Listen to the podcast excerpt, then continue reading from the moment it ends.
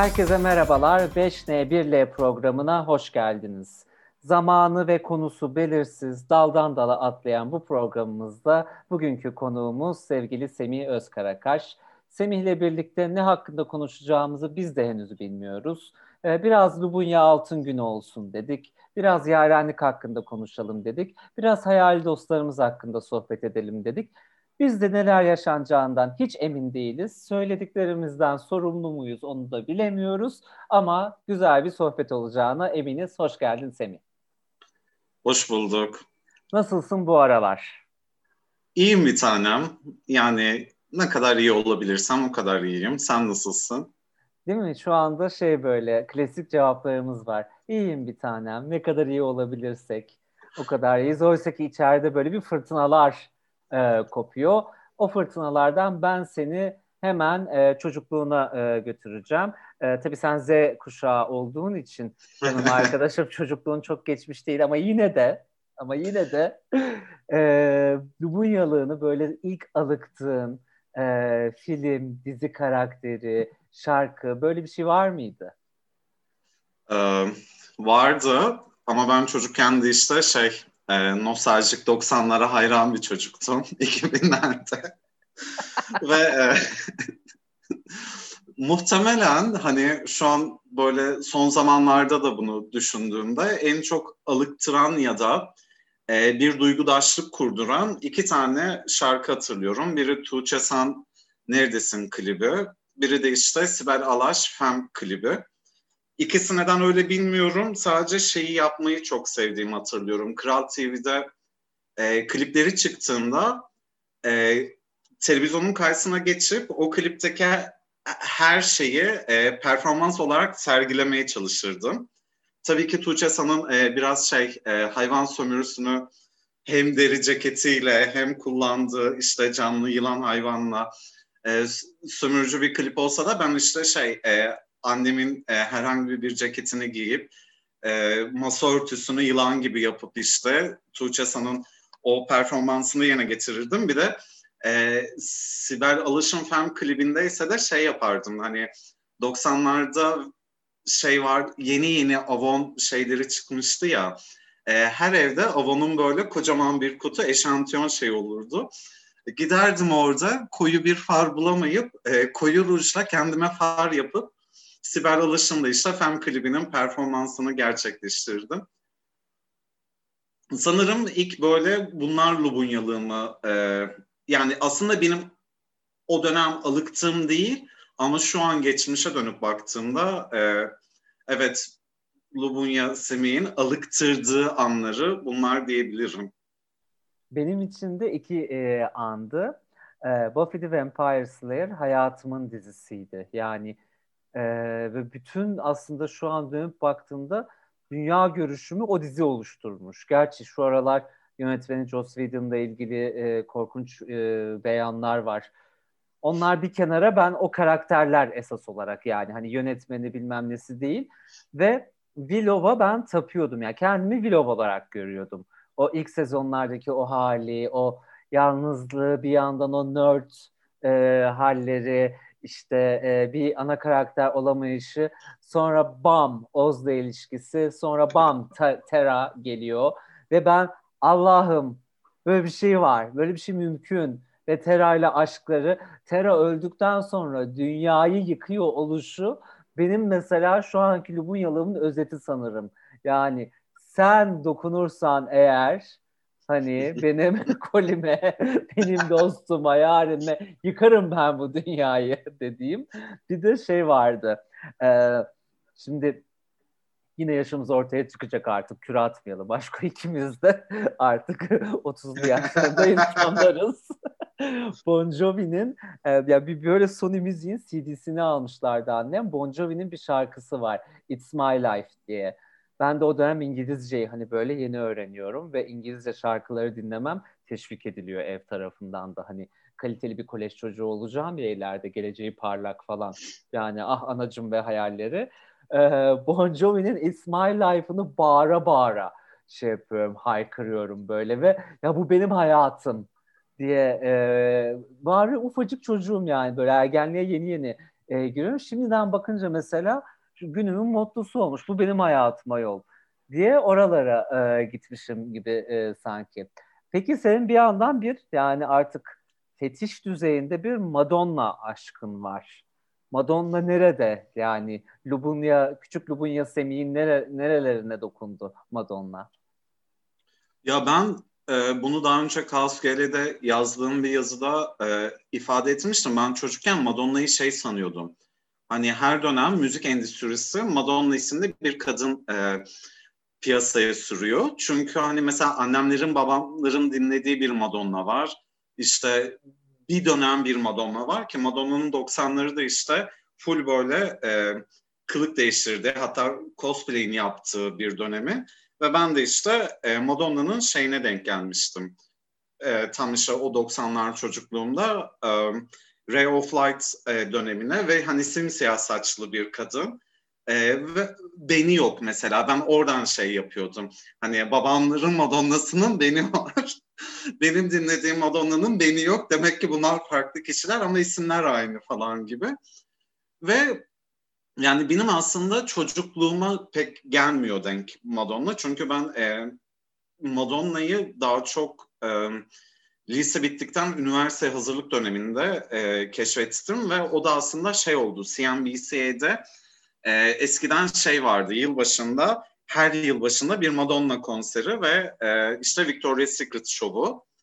Ve ben aslında bir akşam işte yanlış hatırlamıyorsam pazar akşamıydı e, Six Feet Under'ı e, izlemek için beklerken o sırada Madonna'nın konseri e, sürekli gösteriliyor ve konseri izlediğimde de şeydi e, o dönemlerde tabii ben e, daha bir böyle e, alternatif rock, daha bir e, kapitalist yani müzikte de e, kapitalizme karşı popu küçümseyen biri olarak e, şeyin şokunu yaşamıştım. Yani konserinin bir e, bölümünde yani üst üste işte HIV'e dair politikalar üreten bir performans sergiliyor.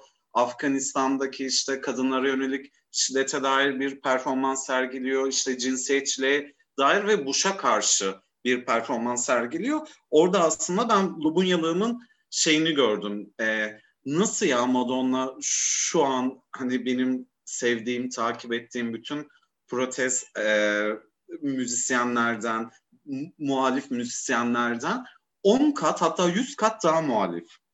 Daha saldırgan.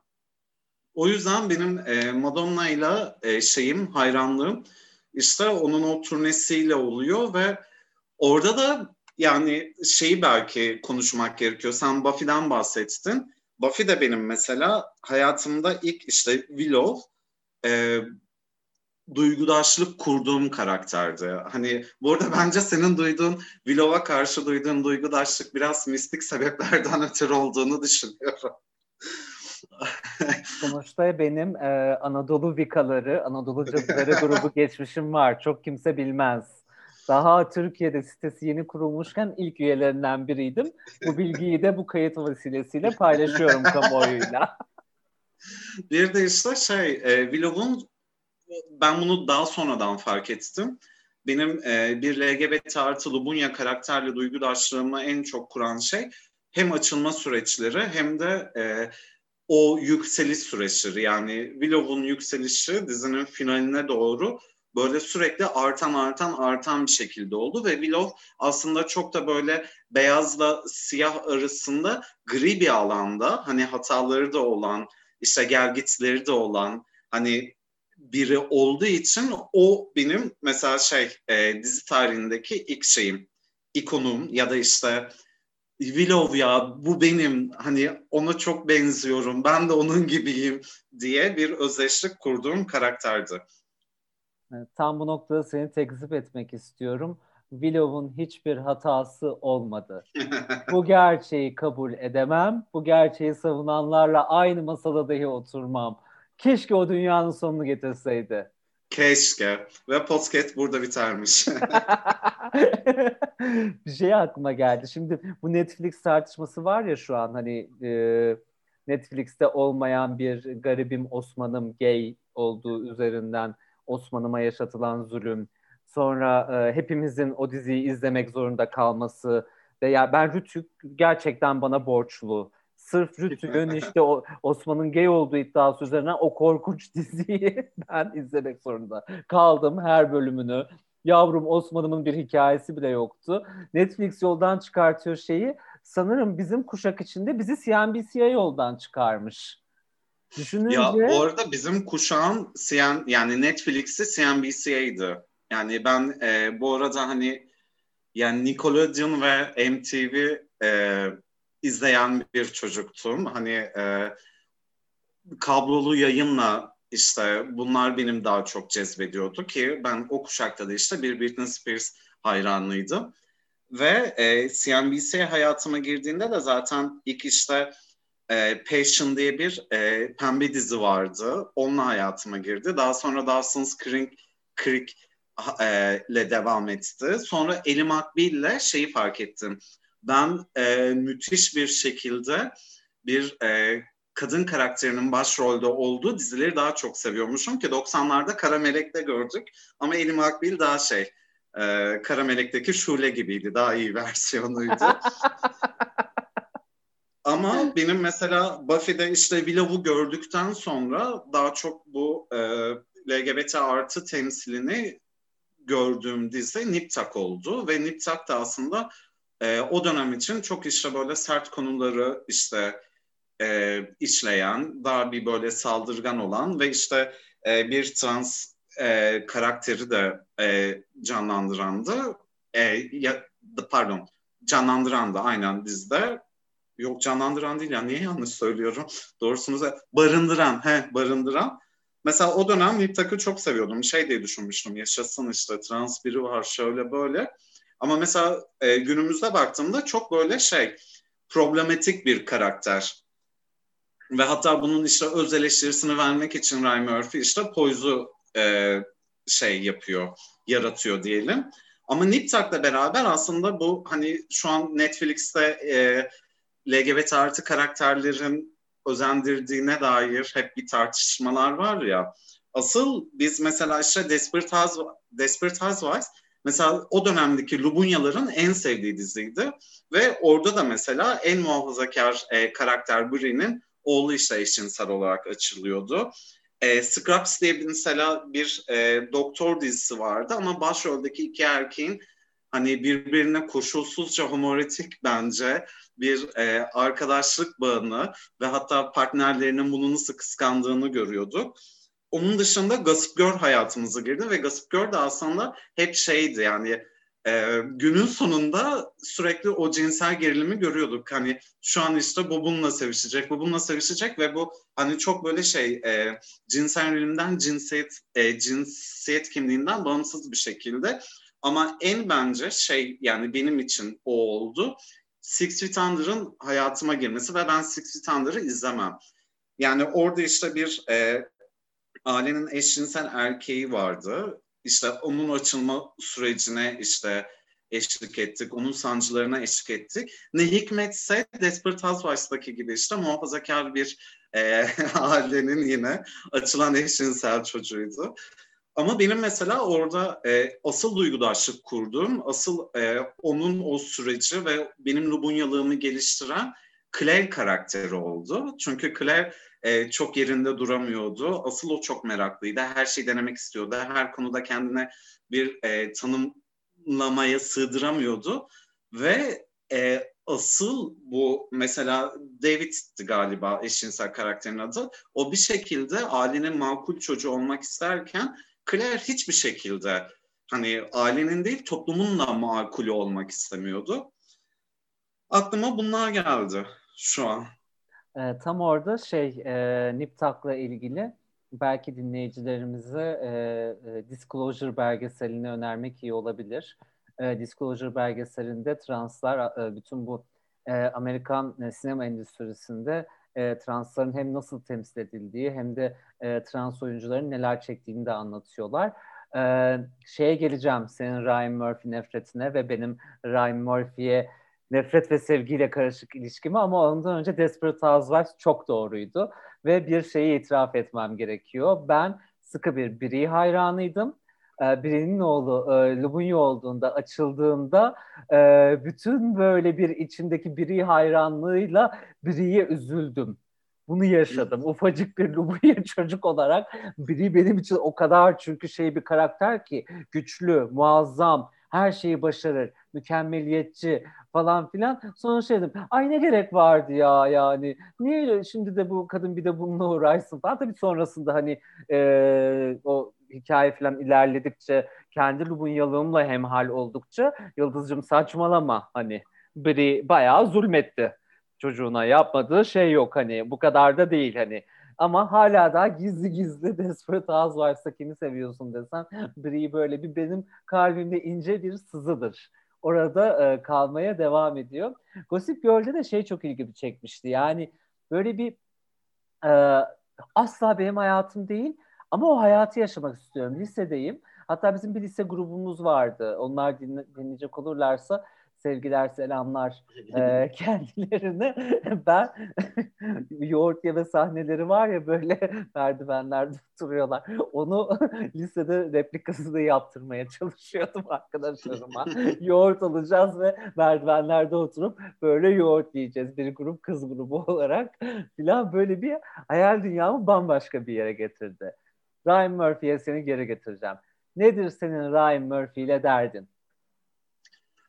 Ya bu arada Ryan Murphy işte e, dediğim gibi eş zamanlı olarak Nip Tuck'la beraber e, tanıyan biriydim ve Nip Tuck'ı da artık böyle şey e, Six Feet Under'a kadar e, en sevdiğim diziydi o dönem için. Daha sonra işte Elin Bol daha çok e, hoşuma gitti ki hala en sevdiğim dizilerden biri True Blood'ı daha sonra işte yarattı. Ryan Murphy ile ilgili beni rahatsız eden nokta şu oluyor. Ryan Murphy aslında e, bir Türkiye'den benzetmeye atacağım ama yapmayacağım. Sadece şöyle üstü kapalı bir şey söyleyeyim.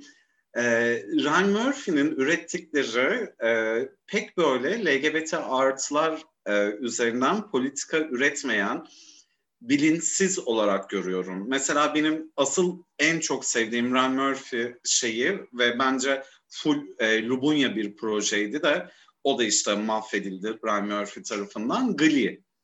Hani Glee'de de mesela benim mesela belki en çok e, duygudaşlık kurmam gereken e, kişi Kurt karakteri olması gerekirken tam tersine Santana oldu. Yani Santana'nın e, en başından sonuna kadar hep böyle şey e, evet ya Santana ve onun yanındayım. Santana ay şu an şeyi fark ettim rahmetli de oldu Naya Rivera ve geçen yıl benim için çok dramatik bir şeydi. Çünkü gençliğimin de hani Buffy'deki e, Willow karakteri nasıl o çocukluğumun şeyse gençliğimde de aslında e, beni en çok e, güçlendiren karakter Santana'ydı ve Glee de bu arada benim açılmamı sağlayan dizilerden biriydi. Hani yavaş yavaş ve açılmamı sağlayan dizi derken mesela şöyle sürekli e, çevremdekilere Glee diye bir dizi var izlemek ister misin? Çok iyi, çok şöyle, çok böyle falan. Ve böyle ufak ufak ufak ufak sürekli çevremdekileri etkiliyordum ve e, aralarını sızıyordum. Ama benim işte rahatsız eden en son Poyz'u da izlediğimde e, sürekli bir böyle e, LGBT artı hikayelerinde yani dostluk üzerine kurulan e, ilişkiler, eşitlikler ve e, güvenli alanlar arasında oluşmuyor. Yani mesela e, Glee'de hep şey vardı bölümün başında birbirlerine zulmediyorlar. Bölüm sonunda işte okey hani Glee kulübü ayakta olsun da ne olursa olsun falan gibi. Yani ben buna karşı çıkıyordum. Bu e, rahatsız edici. Bunun dışında da bana e, Ryan Murphy e, yaş aldıkça özellikle Poise'da bunu gördüğümde rahatsız oluyorum. Geçmişi e, çok romantize ederek yazıyor. Yani çok romantik bir tarihçi. Yani Poise'u izlediğimizde yani e, o şekilde illa güç verici olmak zorunda değil. Yani o kadar da e, HIV meselesine, işte siyahi, e, trans kadın meselesine ve bolo kültürüne bu şekilde yaklaşması pek hoşuma gitmiyor açıkçası. O yüzden sevmiyorum ama e, bu arada bu e, aralarında en sevdiğim üç dizi arasından karşılaştırma yaptım. Diğer dizilerinden hiç bahsetmiyorum. New Normal diye bir sitcomu vardı, çok kötü. American Horror Story'de Jessica Lange yüzünden e, yalan söylemeyeyim. E, elini öperim Ryan Murphy'nin. E, ama yani neydi o? Sen de beraber izlemiştik. Defne de vardı. Politician mı ne? Sonra bir Ay, evet, Politician. Ay. O çok korkunçtu. Bütün Korkunçtu. Ryan Murphy klişeleri vardı. Bir de bir e, yine Hollywood'da geçen bir şey yapmıştı. O da çok kötüydü. Yani artık belki biraz dinlenmesi ve e, yeni nesil ne istiyor ya da nasıl LGBT artılar hakkında politikalar üretilip e, bunun e, kurgusu yansıtılabilir. E, bunu belki şey yapmak gerekiyor. Çünkü bana kalırsa zaten Niptak'ta bitmesi gereken kurguyu e, tekrardan Glee'de falan işlemesi, hala bunu devam ettirmesi ve bir yandan da Poise'a kadar aslında çok gay normatif e, şeyleri tekrardan e, üretmesi çok sıkıcı geliyor bana. Yani beni artık karşılamıyor açıkçası. E, buradan bu yayını izleyecek olan Ryan Murphy'ye sesleniyoruz. Aşko biraz ara ver. Biraz dinlen. Yani Ryan Murphy'de benim karmaşık e, ruh halimin sebebi şu. E, senle daha önce de konuşmuştuk. Ryan Murphy'nin her dizisi çok yüksek başlıyor. Sonra öyle bir yere ba- bağlanamadan gidiyor gidiyor ki böyle ağzında şey bir tat kalıyor. Ya yani ben şimdi ne izledim?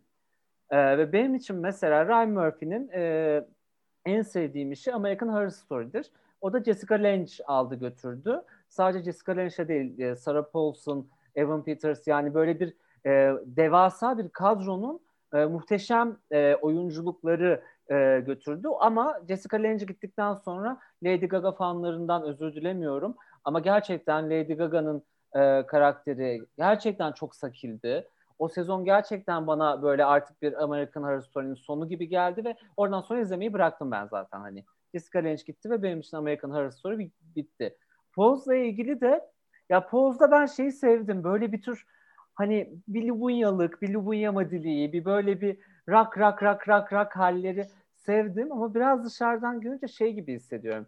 Sanki bu şey var ya feministlerin e, filmlere getirdiği male gaze eleştirisi hani e, bir e, erkek bakışıyla bakma. Ryan Murphy de bir e, gay lensinden aslında e, bakıyor. E, bu kadar heteronormatif bir dünyada gay lensinden bir hikaye anlatmak da kıymetli.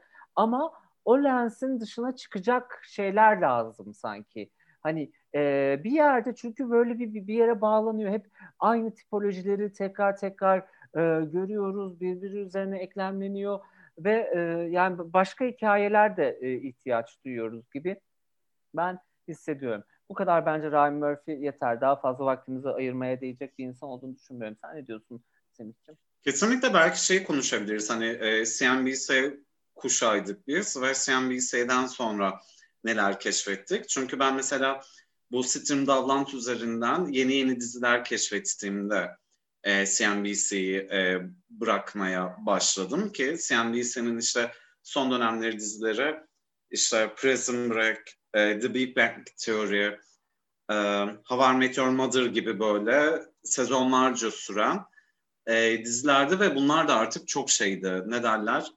Hetero hetero hetero ve güldürmüyordu ama şu an fark ettim hayatın cilvesi ki bu üç dizinin en tutulan e, karakterleri de hep böyle gay olarak açıldılar. Hetero karakterleri e, oynasalar dahi. Ben işte şeyi keşfettikten sonra aslında bu Stream Davlant üzerinden e, usulsüz bir şekilde e, torrentlerden dizi e, indirip ve e, onları izlediğimde Usulsüz HBO... demeyelim bir tanem. Çeşitli yöntemlerle erişebilmek diyelim. Aynen aynen. Usullüydü. Doğru. Özür dilerim. Orayı kesersin. Kesmeyeceğim.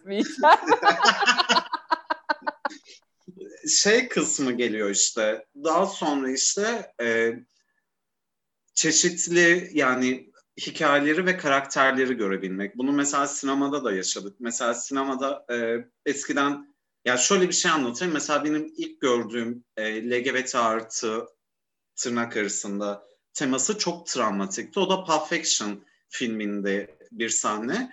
Ve hani orada düşünsene işte bir e, bir erkeğe cinsel şiddet uygulayan başka bir erkek var. E, ve onun sonunda da cinsel şiddete maruz kalan erkek e, diğerini tam böyle Tarantinex bir şekilde vahşice öldürüyor. Ve e, filmlerde de işte benim hep başıma bu geldi. Sürekli e, şey yapamadım. Ne derler? Çok iyi bir temsil, çok iyi bir şey göremedim. Hani o dönemlerde mesela e, Happiness'ı izledim Solondz'un. O çok şeydi. Yani o dönem bu arada en sevdiğim filmlerden biri. Şu an sevmiyorum işte. Crying Game'di. O onun çok korkunç bambaşka bir transfobisi vardı. Ve e, sinemada da şeyi fark ettim. E, sürekli e, çok böyle hetero bir perspektiften bazı filmler çok övülüyor. Ve bu övülen filmler de işte günün sonunda sana şey getiriyor. Hım, gerçek sinema bu. Demek benim sinemadaki temsilim bu gibisinden. Ama bir bakıyorum o filmlerdeki benim temsilime, benim varoluşuma ortada bir adalet yok. Yani örümcek kadının öpücüğünden tut benim güzel çamaşırhaneme kadar sürekli bir mutsuz son, sürekli bir işte mutlu olamayacağıma dair, bir geleceğimin olmadığına dair ki işte filmin adı neydi ya? O beni hunharca ağlatmıştı. Prayer for Bobby mi ne işte bir e, Lubunya'nın işte yine o muhafazakar ailesine karşı açılma süreci evi terk ettikten sonra Lubunya ortamlarda tutunamayıp intiharı falan bunlar böyle hani şey artık nefes alamıyorsun ve şey görüyorsun e, bunlar değil ama işte ne zaman ki e, Stream'le belki ya da bambaşka e, queer sinema örneklerini gördüğünde işte Fassbinder'ın e, Cruella'sı olsun. Mesela ilk izlediğimde ben nefret etmiştim ondan. Sonra bir daha izlediğimde şey yaşadım. Bu gerçekten de çok başarılı. Hatta işte Jean Genet'in O Denizci kitabını da okuyayım dedim. Kitap çok kötü. Film çok iyi. Çünkü Sonra Fassbinder'ı işte e, araştırdığımda Lubunya'nın Lubunya olarak onu çok güzel yorum, yorumladığını görüyorsun. Ama işte asıl pikim işte Rocky Horror Picture Show oldu. Onu da işte Glee sayesinde keşfetmiştim ve yani efsane ötesi bir e, şey. Rocky hayranı olmak, onun işte o şarkılarını sürekli dinlemek, onun performanslarını sergilemek ve hep şey düşüncesi ya ben her filmi şöyle eleştirmekten çok yorulmuştum. Mesela Brokeback Mountain'den tut işte e, neler var ki şu anda hatırlamıyorum. Mavi en sıcak renktir gibi. Çok hazırlıksız olduğu için bu sohbet. E, oralarda hep işte ya bu böyle olurdu, şu şöyle olurdu. Mesela Mavi en sıcak renkleri izledikten sonra işte eleştirileri okuyordum. Yani Lubunya hikayesinde sürekli böyle e, Türkiye'deki siz hetero sinema eleştirmenlerinin makarna ve midye üzerinden sınıf eleştirileri, sınıfı hani görmeleri, sınıf farkını görmeleri içimi şişirmişti. Ve orada da işte şey görüyorsun, e, bu üretilen eserlerin de nasıl e, aslında bir leg, yani cinsel yönelim ve cinsiyet kimliği körüyle okunduğunu görüyorsun. Çünkü bunu göremedikleri için sınıf farkını işte ya da hiperrealist sinema biçimlerini falan göz önüne getiriyorlardı. Topu sana atıyorum. Çok güzel bir yerden yakalayacağım. Ee, ben de mesela şeyi e, bu CNBC'ye sonrası dönemde de e, filmlerde sürekli bir e, bu ara şeyi de fark ediyorum. Bu aslında izlediğimiz Lubunya temalı olmayan filmlerde bir queer coding diye bir şey e, e, var. Hani e, Hollywood'da özellikle e, kötü karakteri mesela böyle bir e, efemine e, böyle bir zırıl bir queer ama ya bir cinsel cinsel kimliği yok ama e, şey yani kötü karakter o. Ee, onun üzerinden hani aslında böyle bir gizli bir şey mesajı verilmeye çalışılmış bize senelerce sanki. Hani bak bunlar kötü, kötüdür. Hani toplumsal cinsiyet normlarının dışında olmak kötüdür. Hani katiller öyle bilmem ne. Ama e, şey hissediyorum ters tepmiş bu. Benim bütün idollerim sinemadaki o kötü karakterler. Yani Disney'i izleyip Maleficent'a e, aşık oluyorum. İşte bilmem e, başka bir şeyi izleyip oradaki başka bir Zırhlı Bunya e, gibi gözü, gözükene ama asla adı e, yok. E, ona aşık oluyorum gibi bir durum var. Zaten şey var e, şimdi bu sinemada LGBT art temsil dediğimizde Vito Russo testi diye bir test var. Ee, bu Glad'ın falan da kullandığı ve hani şeyi söylüyor. Bir karar yani bir Lumiya karakterinin olmasının yetmeyeceğini şunu söylüyor. Açık kimlikli bir LGBT artı kişi olmalı. Bu dedikodu yoluyla o şöyleymiş böyleymiş değil. Kendisinin beyanıyla hani illa ben gayim ben transım demesi değil ama hani hayatın ortasında bir yerinde hani bu şekilde olmalı. İkincisi bu karakterin bir arka planı olmalı. Bu karakter sadece bir komedi unsuru olmamalı. Bu karakter bilmem neyin yancısı değil. Bir hikaye örgüsü olması gerekiyor. Üçüncüsü bu karakteri hikayeden çıkardığında hikayede bir boşluk yaratması gerekiyor. Bunların olmadığı hiçbir film aslında LGBT artı temsil değil. Bunlar asgari. Şimdi bu gözle bakınca birçok film böyle bir şeye bakınca değil yani. Evet yok. Arka plan yok. Ya bir komedi unsuru ya bir e, böyle başka bir şey. Ee, yakın zamanda şey yeniden çekildi. Senin Ateş Böceği gördün mü? Mesela Türkiye'den. Ee, ben onun tiyatrosunda de, ya, korkunç bir şekilde ağlıyordum. Sürekli izleyip ağladığım bir e, oyundu. Orada bir lise müdürü vardı. Böyle biraz bir efemine ve onun eşcinsel olma ihtimali üzerinden çok homofobik bir şekilde dalga geçiyorlardı. Ee, yeni çekiminde, Netflix çekiminde o sahneyi çıkarmışlar. Bazıları bunu şey diye okumuş. Aa eşcinsel karakteri çıkardılar. Hayır o karakter eşcinsel değildi. O karakterin eşcinselliğini sen söylüyorsun. O karakter bir güldürü nesnesiydi. O karakter biz orada gülelim, ha ha ha ha yapalım diye konulmuş bir şeydi ve bunun çıkartılması gayet doğru bir hareket bence. Yani bizim böyle bir bir yerde işte aman üzerine sadece güleceğiniz komiklikli, şakalı bir şeyler e, olacak e, şeye ihtiyacımız e, yok bence. Benim içinse böyle bir aydınlanma yaşadığım e, yerler e, yani Divine'la tanışmam. Yani Divine karakteri ve yani onun filmleri şimdi kim çekiyordu? Sen bilirsin. John Waters. John Waters. Ay, John, sesimi John, açamadım bir an. Evet, John Waters ve hani e, o filmler benim böyle şey ya bambaşka bir dünya var. Yani Camp'in zirvesi inanılmaz asi, inanılmaz öfke. Böyle içimdeki öfke kazanının nerede olduğunu anladığım şeylerdi. Ya bu arada senin e, konuşmanın başına bahsettiğin e, şeye çok güzel bir örnek var Türkiye'de. ATV'de bir dizi e, çekilmişti ve orada işte iki tane eşcinsel karakter vardı. Bu işte medyaya yansıdığında da dizinin yapımcısı mı yönetmeni kimdi hatırlamıyorum ama e, şey yapmıştı işte onların kötülüğünü e, göstermek için e, eşcinsel yaptık gibi bir açıklaması vardı. Yanlış hatırlamıyorum inşallah. Sinan Çetin'di. Filmin, e, dizinin ismi muhtemelen Kılıç Yarası'ydı. E, e, iki e, kötü karakterlerden biri otel odasında e, çıplak bir şekilde bir adamla otel odasındayken yataktan kalkıyor, telefonda konuşuyor. Sahne bundan ibaretti. Rütük sansürlemişti. Eğer yanılmıyorsam. Yanılıyorsam da bu bir podcast'tir. Doğrusunu araştırıp dinleyicilerimiz bulabilir. Aynen. Ama işte orada da şey açıklama şeydi işte onların kötülüğünü göstermek için bunu yaptık. Ve işte şey kısmı yine e, ya bu arada evet LGBT artıların LGBT artılar da kötü olabilir. Hani buna da hakkımız var. Kötü olma hakkına işte ne bileyim e, madilik hakkı ama çok kısaca şey de e, ekleyeceğim. Sen mesela şey demiştin. Ryan Murphy'deki işte Lubunya madiliğine işte hoşuma gidiyor demiştin.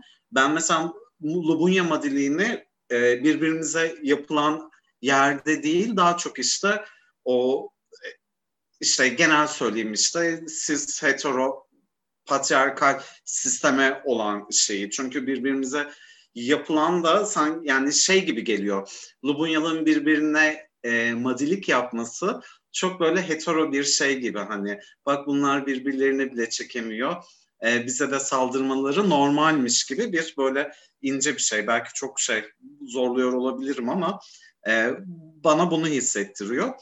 E, onun dışında şeyi e, söylemek istiyorum. Hani aslında günümüze geldiğimizde de e, biz şeyi çok güzel görebiliyoruz. E, hani mesela Netflix hayatımıza ilk girdiğinde aslında hep şey oldu. Oradaki ilk böyle Lubunya e, karakteri olan dizileri izlemek. Hatta Lubunya'da değil. Mesela benim ilk Netflix dizim Orange is the New Black.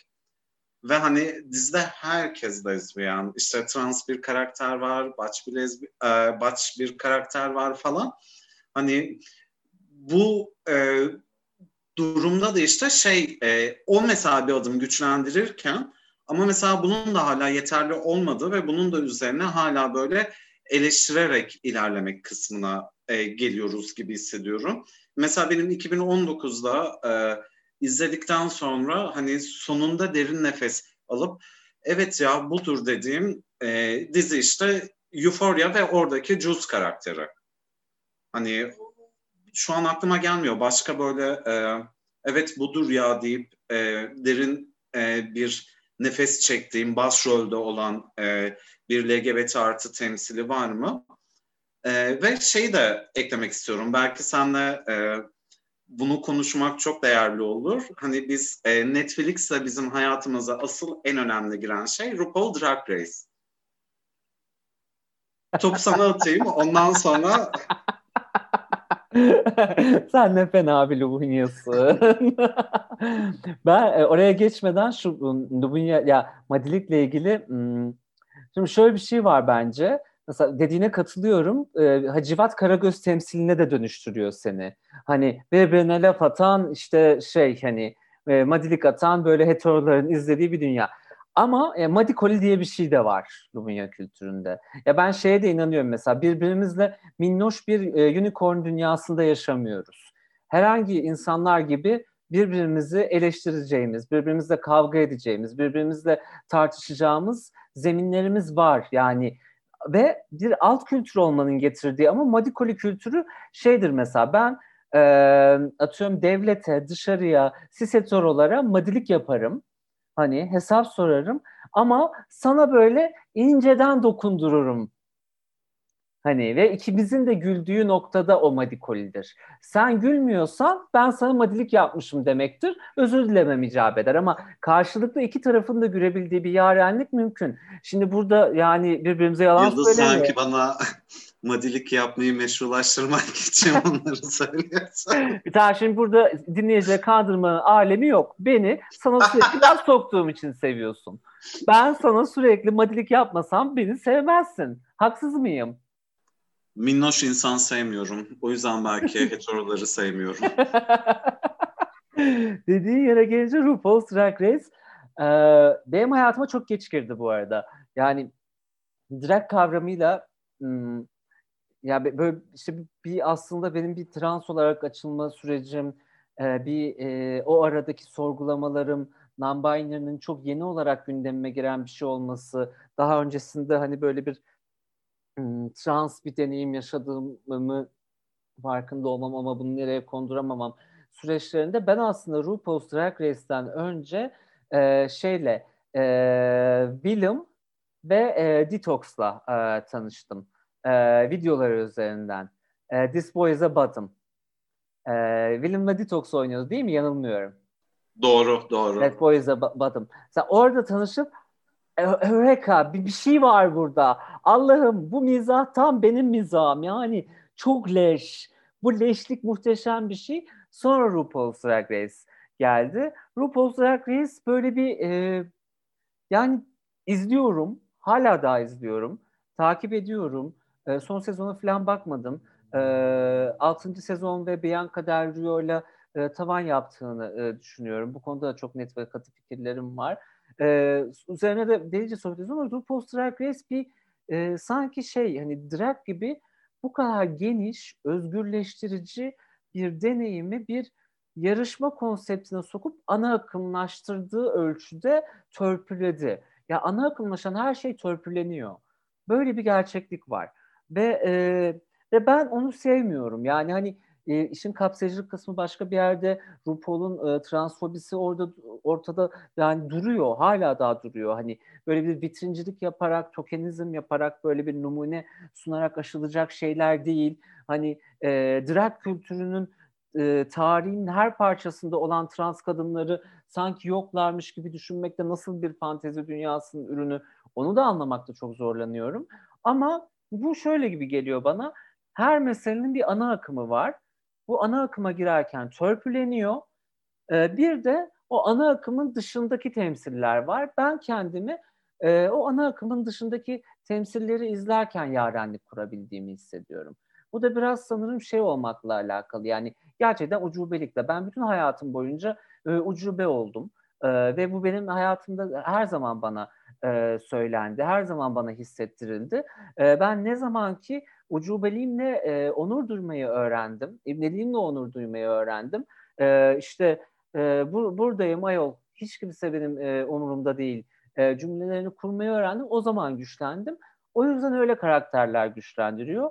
E, yarışma konsepti beni hep bir böyle bir reality TV show'lar falan hep izlediğim, her zaman böyle bir e, şey dirty pleasure'ım olan e, ama e, şey yapmayacağım hani e, güçlendiğim için izlediğim değil. Tamamen bir dikizcilik e, motivasyonu olur ya voyeurizm böyle bir öyle bir motivasyonla izlediğimi fark ediyorum. Hani gıybet için izliyorum. Ya dediğin çok doğru aslında biraz şey gibi e, gıybet için izliyorum. Biraz şey hani Madonna'nın müzik şarkısında şey der ya hani insanları, müzik insanları bir araya getirir.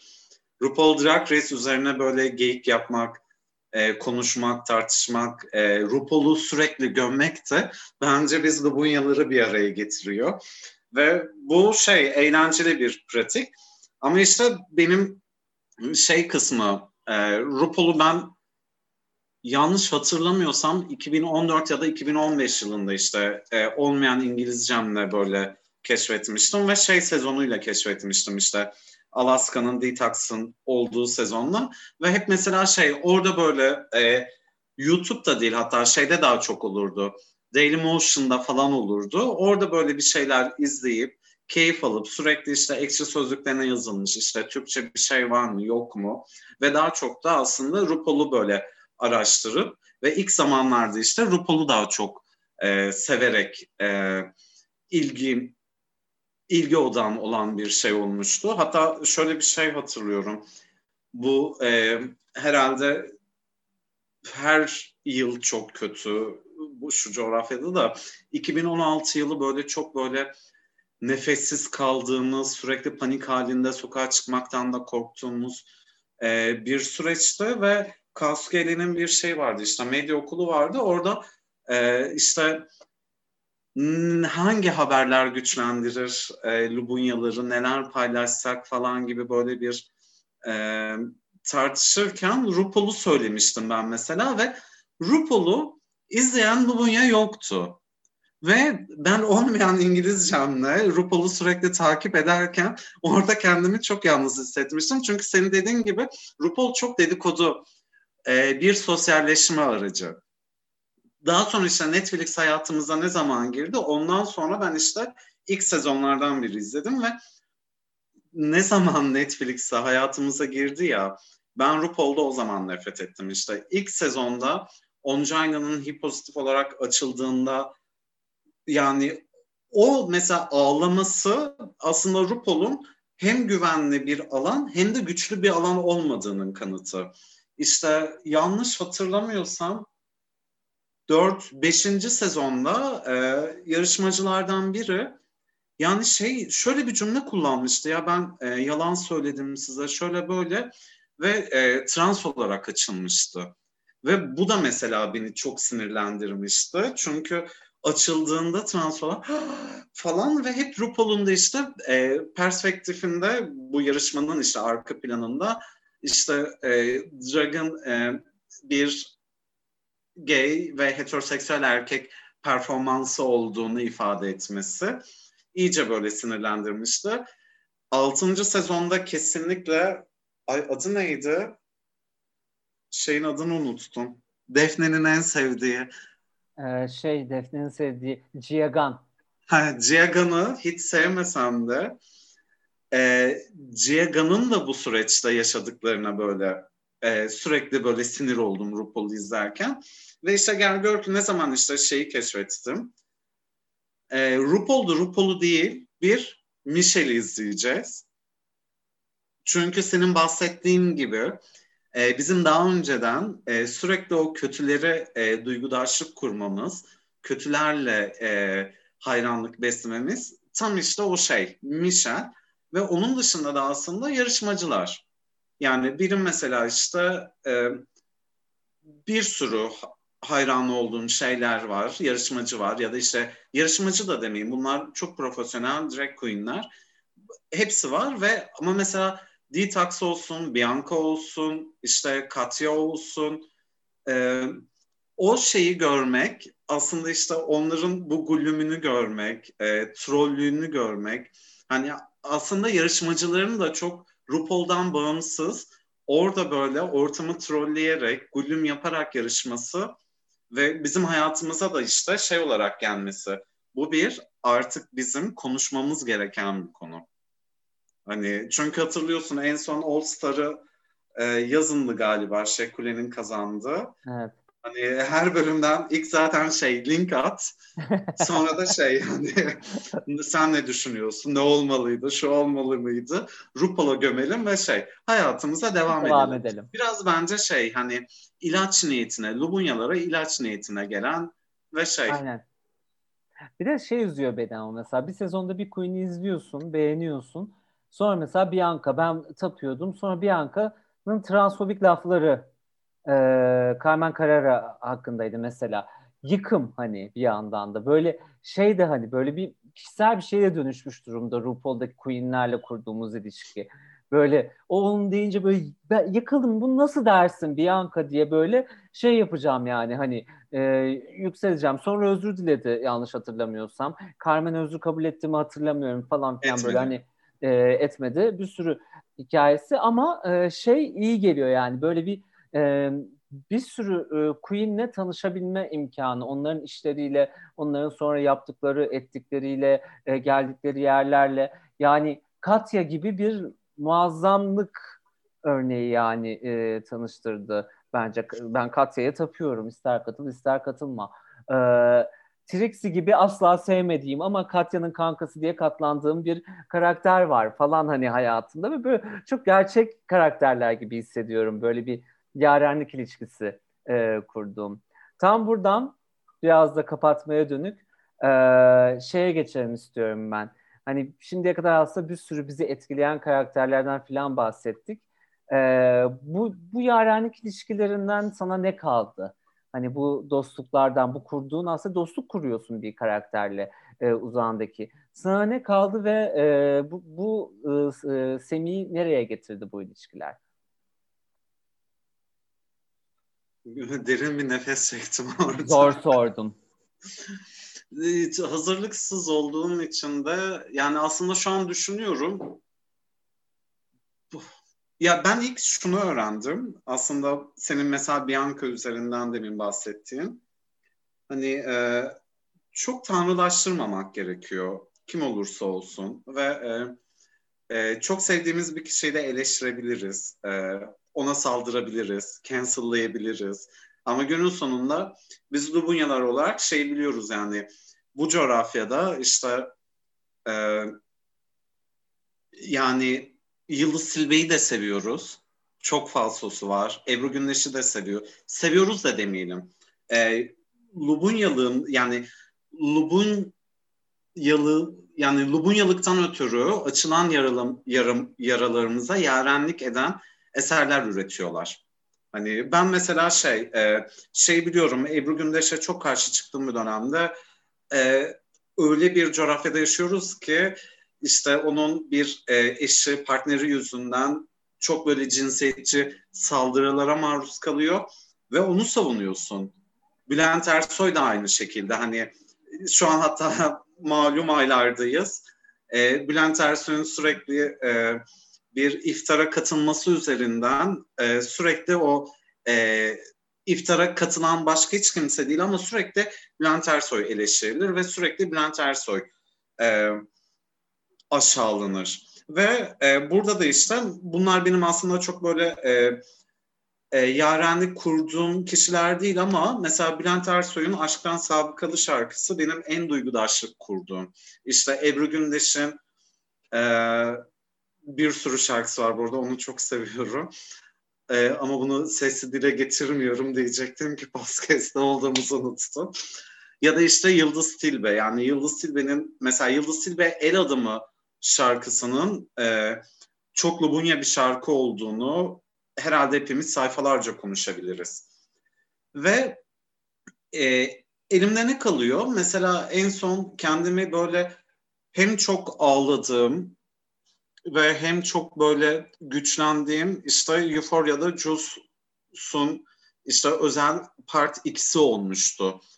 Onun o e, işte terapi sırasında bir saat boyunca bahsettiği her şey hani yıllardır şurama gelip de ifade edemediğim şeyler. O onu dışarı çıkarmış ya da e, benim mesela en çok e, güçlendiren şeylerden biri işte Madonna'nın işte o erotika dönemindeki seks kitabı ve o bütün işte cinsiyetçi, muhafazakar, e, koskoca bir dünyaya karşı çıkışı ve bu karşı çıkışta asla eyvallahı olmaması.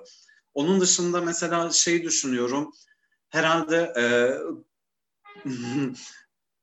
platonik şeyleri çok sevdiğim için Morrissey'in Let Me Kiss You şarkısı. Hani Morrissey'in de bir sürü yine falsosu var. Hani bunu eleştirmekten asla geri durmuyorum. Ama en ufak bir e, birine karşı bir şeyler e, sevgisel, duygusal bir şeyler hissettiğimde ve bunu onunla paylaşmadığımda ya da bunu kafamda yaşadığımda ilk açtığım şarkılardan biri bu oluyor. O yüzden bu yarenlik bence çok güzel. Ama nerede çok güzel işte senin dediğin gibi hani e, Bianca'nın transfobik bir şey yaptığında aslında o transfobisini savunmamak ve evet bu hata ve yola devam etmek. Hani çünkü burada şey kısmına belki denk getirmek istiyorum bunu. Ee, mesela Kerimcan Durmaz'ın klibi çıktığında e, çok fazla şey tartışmalar oldu işte. Sürekli e, bunun çok böyle e, sınıfsal kapitalist bir yere getirdiler. Ve o an mesela şeyi fark ettim. Kerimcan gibi yıllardır bir sürü kişi, bir sürü siz, bir sürü hetero klipler çekiyor, başarılı olamıyor. Kerimcan çekmiş de başarılı olmuş. Ama yıllardır hiçbir şekilde bu sis ve heterolar eleştirilmedi. Bundan dolayı tukaka edilmedi. İşte buradaki bu ikiyüzlülük ya da e, bu e, hani bir atasözü vardır ya maksat e, neydi ya? Atasözünü unuttum. E, üzüm yemek değil bağcıyı bö- dövmek mi? Ne öyle bir şey var. Evet, öyle bir şey değil. Üzüm... Evet. Bunu dinleyenler Bağcıyı şey... dövmek. He, aynen. Yani sürekli lubunyalar söz konusu olduğunda özellikle işte şeyde ekranda ama şey bağcıyı e, dövmek, bölmek diyecektim ya. dövmek oluyor. Ve bu da işte ne olursa olsun bizim beğenilerimizin, e, bizim duygudaşlıklarımızın, bizim yarenlik kurduğumuz kişilerin e, sürekli bir böyle bir üst akıl, bir üst göz. Bu da hep cis hetero ve şey bunun üzerinden eleştirmek ve burada da işte varoluşları eleştirmek. Son bir örnek vereyim. E, Call Me By Your Name filmi çıktıktan sonra bana kalırsa e, çok böyle rahatsız edici iki tane eleştiri. Biri bir günde, biri de işte Biyanet'te çıkmıştı ve şunu söylemek istiyordum. Yani film bu değil. Sen bunu bu şekilde eleştirerek özellikle hem karakterleri hem de konuyu manipüle ediyorsun ve LGBT artıları da bir yerde işte şey haline getiriyorsun. Ee, ne derler? Ee, suçlulaştırıyorsun. Kriminalizeyi söylemek zor gelir diye suçlulaştırmayı söyledim. Böyle top sana atayım. Evet hatırlıyorum kriminalize demek isterken karamelize dediğim bir yayınımız olmuştu. Ee, ben de şimdi şeyi düşündüm. Ee, bana kalan ne? Ee, mesela seneler önce yine bir dayak yediğim zamandan sonra bir arkadaşım e, adını vermeyeceğim belki hani adını çok uzun zamandır görüşmediğim bir arkadaşım çünkü. E, Lou Reed'den e, Walk on the Wild Side şarkısını atmıştı bana.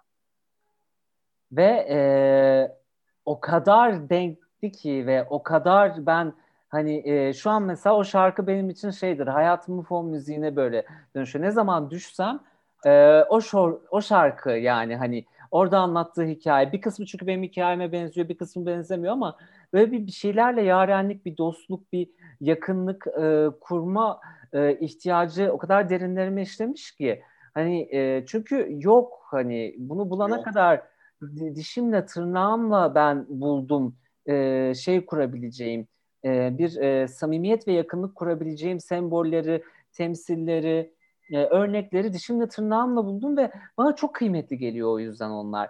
Hani e, ve bunları kaybetmek istemiyorum çünkü e, onlar bana bir şeyleri hatırlatıyor bir şeyleri çağrıştırıyor e, hayatıma dair. Gizli saklı e, yaşadığım aşkları hani e, ben bütün dünyaya açıkken benle birlikte göz, gözükmek istemeyen, iki arka sokakta bekleyen, eve e, farklı zamanlarda girdiğimiz kolilerimi, kocalarımı, e, dışarıda e, bana selam vermeyen e, ama e, tam o sırada bana WhatsApp'tan yazıp gece boş musun? diyenleri, e, hani kendi açtığım utancı bana yaşatanları, benim yanlışlıkla es kaza sokakta görüp selam verdiğimde panik olup bana başkalarının yanında selam verme diyenleri, e, dışarıda buluşmayalım, çok ortak tanıdığımız var diyen e, işte e, solcu kolilerim arkadaşlar ve hepsini hatırlatıyor ve bütün o yumakla başa çıkabilmek için benim bu şarkılara ihtiyacım var. Yani e, bir delikanlımda ağlayıp Ajda Pekkan kapı açık arkanı ıı, çıka varacak bir yolculuğa ihtiyacım var e, gibi e, hissediyorum ve bu yolculuğu da bu, bunlar sağlıyor. Yani sağladıkları şey ne Netflix'in ne CNBC'nin ne şimdi bu şu ana kadar e, övdüğümüz ya da gömdüğümüz yayınların sağladığı şey bir özendirme, bir böyle bir muazzam bir alan açma değil. E, hikayelerimizi yaşarken birazcık fon müziği o ihtiyaç duyduğumuz son müziği olabilme imkanı gibi. Bunu seviyorum e, sanırım ben. E, diyeyim ben de. Kesinlikle. Var mıdır eklemek istediğin bir şey? Keşke böyle müzikte çalabilsem bu konuşmanın sonunda bir böyle yıldız patlatsaydık. Keşke e, telif yeriz ama sevgili dinleyicilerimiz e, siz Spotify'dan işte oradan buradan hangi şarkıları dinleyeceğinizi biliyorsunuzdur. E, herkes beğendiği şarkıyla dinlesin e, bizi. Kesinlikle. Arka fonda. Bir de belki de işte asıl bizim seninle çok böyle e, muhabbetini yaptığımız şey ve bugün asla yapmadığımız biraz şey e, edebiyat kısmı oldu. Ve asıl hani orada e, bu kendimizi ifade etme hakkımız olmadığında hangi metinlerle bunu dile getirdik? İşte hangi karakterleri biz hangi karakterlerin e, yareni olduk ya da onlar bizim yarenimiz oldu. Bunlar da böyle uzar gider. O yüzden çok teşekkür ederim. İlk kez bir podcast'te e, gülüm yaptık, konuştuk. Bu yüzden bu benim çok hoşuma gitti. En iyisi oldu diyeceğim şu an. Dinleyicilerimiz de çok şaşıracaklar çünkü 5N1L'de şimdiye kadar inanılmaz ciddi konuları ele almıştık. Birden e, bir e, gullüme şahit olduk. Bu da çok ciddi bir konu. Doğru, çok özür dilerim. Çok ciddi bir konuydu. Çok hayati bir konuydu ve bunu konuşmamız gerekiyordu. Zorundaydık. evet, öyleyse ben yavaştan kapatayım. Çok teşekkür ederim Semih geldiğin, e, paylaştığın e, ve bu güzel hoş sohbetin için. E, bir daha ne zaman yayınlanacağını bilmediğimiz 5N 1L programında e, hangi konuda olduğunu da asla öngöremediğimiz e, bir yayında konuğunun kim olduğunu sürpriz olduğu bir şekilde takipte kalın aşkolar. Görüşürüz.